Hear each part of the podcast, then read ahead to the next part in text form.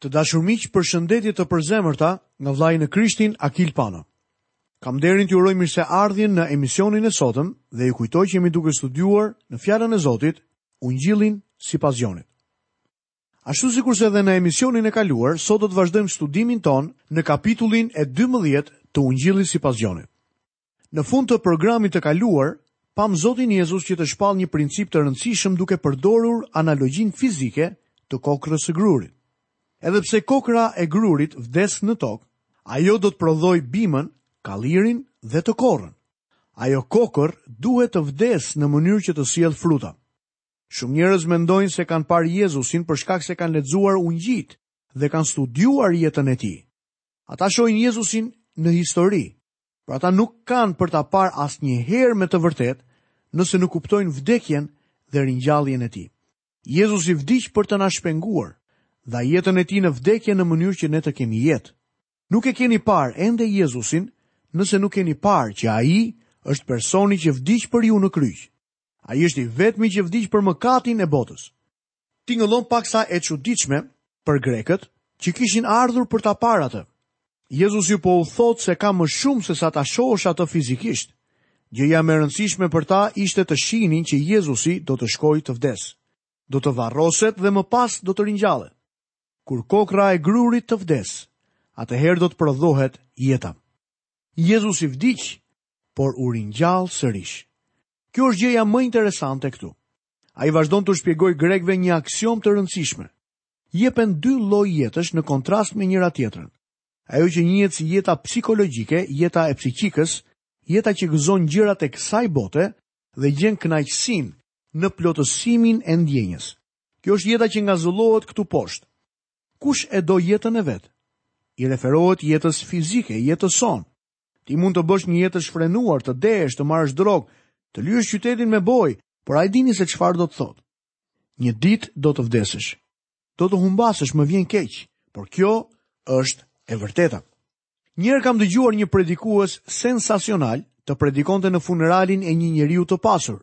Ai dikur kishte qenë anëtar i një kishe, por më vonë kishte thyer çdo ligj të Zotit dhe të njeriut dhe jetonte në mëkat dhe dehje.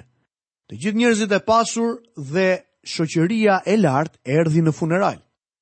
Ky predikues bëri diçka që unë nuk do ta bëja, por ndoshta edhe po. Edhe pse nuk e kam bërë ndonjëherë. Ai predikoi mesazhin e Ungjillit. Pastaj zbriti tek arkivoli dhe predikoi se çfarë mund të bëjë mëkati për njeriun dhe si mund ta dërgojë atë përfundimisht në ferr. Njerëzit nuk po ndiheshin rahat. Kur i ftoi të shihnin se çfarë kishte mbetur, ai tha: Jeta e tij kaloi. Ai jetoi një jetë të shfrenuar dhe tani mbaroi. Ai përbuzi Zotin dhe i ktheu shpinën Jezu Krishtit. Kjo ishte diçka mjaft e dukshme. Ne duhet të flasim të vërtetën pa kompromis. Zoti ynë tha, Ai që e do jetën e tij do ta humbasë. Pra, nëse jeton një jetë të shfrenuar këtu në tokë, do ta humbasësh jetën e vërtetë me Zotin. Pastaj Zoti Jezus paraqet një kontrast. Kush e urren jetën e vet në këtë botë, do ta ruajë për jetën e përjetshme. Kjo do të thotë se nëse nuk jeton për këtë botë ose për gjërat e kësaj bote, e ruan jetën tënde për jetën e përjetshme. Nga vjen jeta e përjetshme? Jeta e përjetshme vjen nga vdekja e asaj kokrre gruri që ra në tokë dhe u ngrit sërish. Zoti Jezu Krisht. Kjo është e vetmja mënyrë se si mund ta shpëtosh jetën tënde. Lexojmë vargun 26. Në qoftë se dikush më shërben, të më ndjekë, dhe ku jam unë, atje do të jetë edhe shërbëtori im. Në qoftë se dikush më shërben, Ati im do ta nderojë. Ai u thotë ta ndjekin, ndërkohë që ndodhet në rrugën e tij për në kryq. Jezusi premton se shërbëtorët e tij do të jenë së bashku me të. Në qoftë se dikush më shërben, Jezusi tha, Ati im do ta nderojë. Lexojmë më poshtë vargun 27. Tani shpirti im është i tronditur dhe çfarë të them o Atë? Më shpëto nga kjo orë, por për këtë unë kam ardhur në këtë orë. Me kryqin e Zotit Jezu Krisht është e lidhur një vuajtje që unë dhe ti nuk mund ta kuptojmë. Ai nuk vuajti vetëm në duart e njerëzve. Kjo ishte mjaft e rëndë, por Jezusi vuajti përtej kësaj. Mëkati im dhe i yti u vendos mbi të. Atje në kryq, ai ishte njeriu i dhimbjeve Njohësi i vuajtjeve. Ai mbarti mëkatin e botës, jo mëkatin e vet. Isaia vazhdon, në kapitullin e pesëdhjetë e tre, më poshtë me vargun e katërt. Megjithatë ai mbarte sëmundjet tona dhe kishte marrë përsipër dhembjet tona. Mëkati ynë u vendos mbi të. Ai u bë mëkat për ne. Isaia vazhdon në vargun e dhjetë. Por i pëlqeu Zotit që ta rrihte dhe ta bënte të vuante. duke ofruar jetën e tij si flijim për mëkatin. Edhe pse ishte i shenjtë, i pamëkat, i ndarë nga të gjithë mëkatarët, Jezusi u bë mëkat për mua dhe ty. Kjo përfshin një vuajtje që unë dhe ti nuk mund ta kuptojmë dot. Shpirti i tij qëndroi në tmerr. Ai ishte i tmerruar përpara kryqit, por Jezusi kishte ardhur në botë për të shkuar në kryq dhe për të duruar çnderimin e tij. Në kryq pati gjithashtu edhe lavdi. Ne duhet të mendojmë pak më shumë për këtë dhe ta falenderojmë Jezusin më shumë. Te Galatasve 6:14 apostulli Pal thotë: Sa për mua, mos ndodhtë kurrë që unë të mburrem me tjetër gjë veç për kryqin e Zotit tonë Jezu Krisht, për të cilin bota është kryqëzuar tek unë dhe unë tek bota. A shikoni se si lidhet kjo me dy vargjet paraprirës? Zoti ynë po përballet me sakrificën më të lartë. Shumë shpejt ai do të japë jetën e tij si shpërblim për familjen njerëzore. Ai vendos këtë sfidë për të gjithë ata që e ndjekin. Kush e urren jetën e vet në këtë botë, do ta ruajë për jetën e përjetshme. Nëse dikush më shërben, le të më ndjekë. Ti mund të përcaktosh fare lehtë se ku po shkon një njeri duke parë mënyrën e tij të jetës. Dikush mund të thotë, Mendoja se jemi të shpëtuar me anë të besimit. Ti gjithmonë thekson besimin më shumë se veprat. Kjo është e vërtetë. Nëse do të shpëtohesh, të duhet të vendosësh besimin tënd tek Ai. Beso në Zotin Jezu Krisht dhe do të shpëtosh ti. Dua t'ju them Se nëse do t'i besoni me të vërtetë Jezusit, atëherë jeta juaj do të ndryshojë. Në të kundërt, mund t'ju them me plot gojën se nuk i beson Atij me të vërtetë. Sa herë që shoh një të krishterë që lë peng çdo qindarkë që ka, për të pasur çdo pajisje që të jetojë në luks këtu poshtë, pyes veten se si mund ta presë Zotin. Kush e do jetën e vet, do ta humbasë. Vini re se si lidhet kjo me atë çfarë tha Jezusi. Atje ku jam unë, do të jetë edhe shërbëtori im. Nëse dikush më shërben, Ati im do ta nderojë. Kjo nuk është çështje e ardhjes së Zotit me ne, por e qenies sonë me Zotin. Dikush më tha një herë, Ti e di që unë jam anëtar i një kishe liberale, por unë e marr Zotin me vete. Miku im, kam një lajm për ty. Zoti nuk shkon në atë kishë. Zoti nuk do të ecë në rrugën tënde. Ti duhet të ecësh në rrugën e Zotit. Shpëtimi ynë nuk është i lirë. Ajo orë ishte e neveritshme për Zotin tonë. Nëse do të ishte e mundur, Jezusi do të donte që Ati ta kursente nga tmerri i bartjes së mëkateve të gjithë botës. edhe pse e dinte mirë që kjo ishte arsyeja pse erdhi në botë. Pastaj ai tha, O At, përlëvdo emrin tënd. Lexojmë vargu 28. O At, përlëvdo emrin tënd. Atëherë një zë erdhi nga qielli. E kam përlëvduar dhe do ta përlëvdoj akoma. Dëshira më e lartë e Jezusit është lavdia e Perëndisë. Çfarë mësimi i mrekullueshëm për ne! Ne priremi të rënkojmë, të qahemi dhe të ankohemi duke i thënë Zotit se pse Ai lejon të na ndodhin gjëra të pakëndshme. Me Krishtin ne duhet të mësojmë të themi Atë, nëpërmjet kësaj vuajtje dhe dhimbje, përlëvdo emrin tënd. Qielli nuk mund të rri në heshtje, por do të përgjigjet. Perëndia përgjigjet në mënyrë të dëgjueshme. A e keni vënë re që Perëndia i foli Jezusit në tre raste nga qielli? Në fillim, në mes të rrugës dhe në fund të shërbesës së tij. A nuk e keni vënë re se të trija rastet janë të lidhura me vdekjen e Krishtit? Rasti i parë ishte pagëzimi kur ai e identifikoi vetveten me njerëzimin mëkatar. Hera e dytë ishte në malin e transformimit kur Elia, Mojsiu dhe Zoti Jezus po flisnin për vdekjen e tij që do të përmbushej në Jeruzalem. Herën e tretë, në mbyllje të shërbesës së tij, Zoti po flet për vdekjen e tij sepse ora e tij kishte ardhur. Lexojmë vargu njëzet e nëntë dhe tridhjetë. Turma pra që ishte e pranishme dhe e dëgjoi zërin, thoshte se qe një bubullim, të tjerë thoshnin një ëngjëll i ka folur. Dhe Jezusi u përgjigj dhe tha, Ky zë nuk ka ardhur për mua, por për ju. Cili grup kishte të drejtë? Asnjë prej tyre. Ai nuk ishte ëngjëll, por Ati po i fliste Jezusit.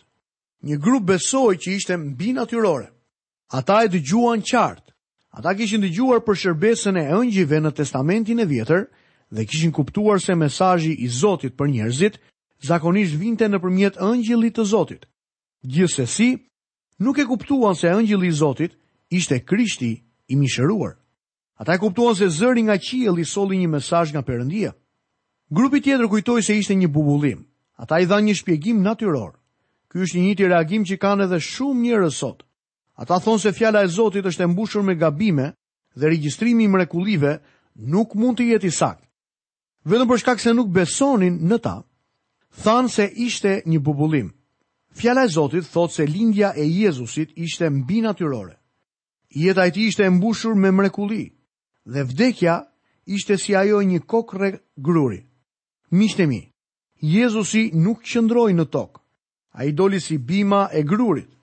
Liberali që tha se kockat e Jezusit ndodheshin diku pranë qiejve sirianë kishte një problem me duart e tij. Ku janë kockat? Ringjallja e Krishtit nuk ishte shpirtërore, por e vërtetë. Trupi i tij u ngrit, kockat e tij Nuk mund të jenë asgjëkundi në tokë. Ky ende është mashtrimi i vjetër që është përdorur gjatë viteve. Është një bubullim. Nuk ka asnjë fije inteligjence ta thuash këtë. Ne kemi nevojë për perceptim shpirtëror dhe kuptim për të dëgjuar, njohur dhe parë fjalën e Zotit. Lexojmë vargjet 31 deri 33. Tani është gjykimi i kësaj bote. Tani do të hidhet jashtë princi i kësaj bote.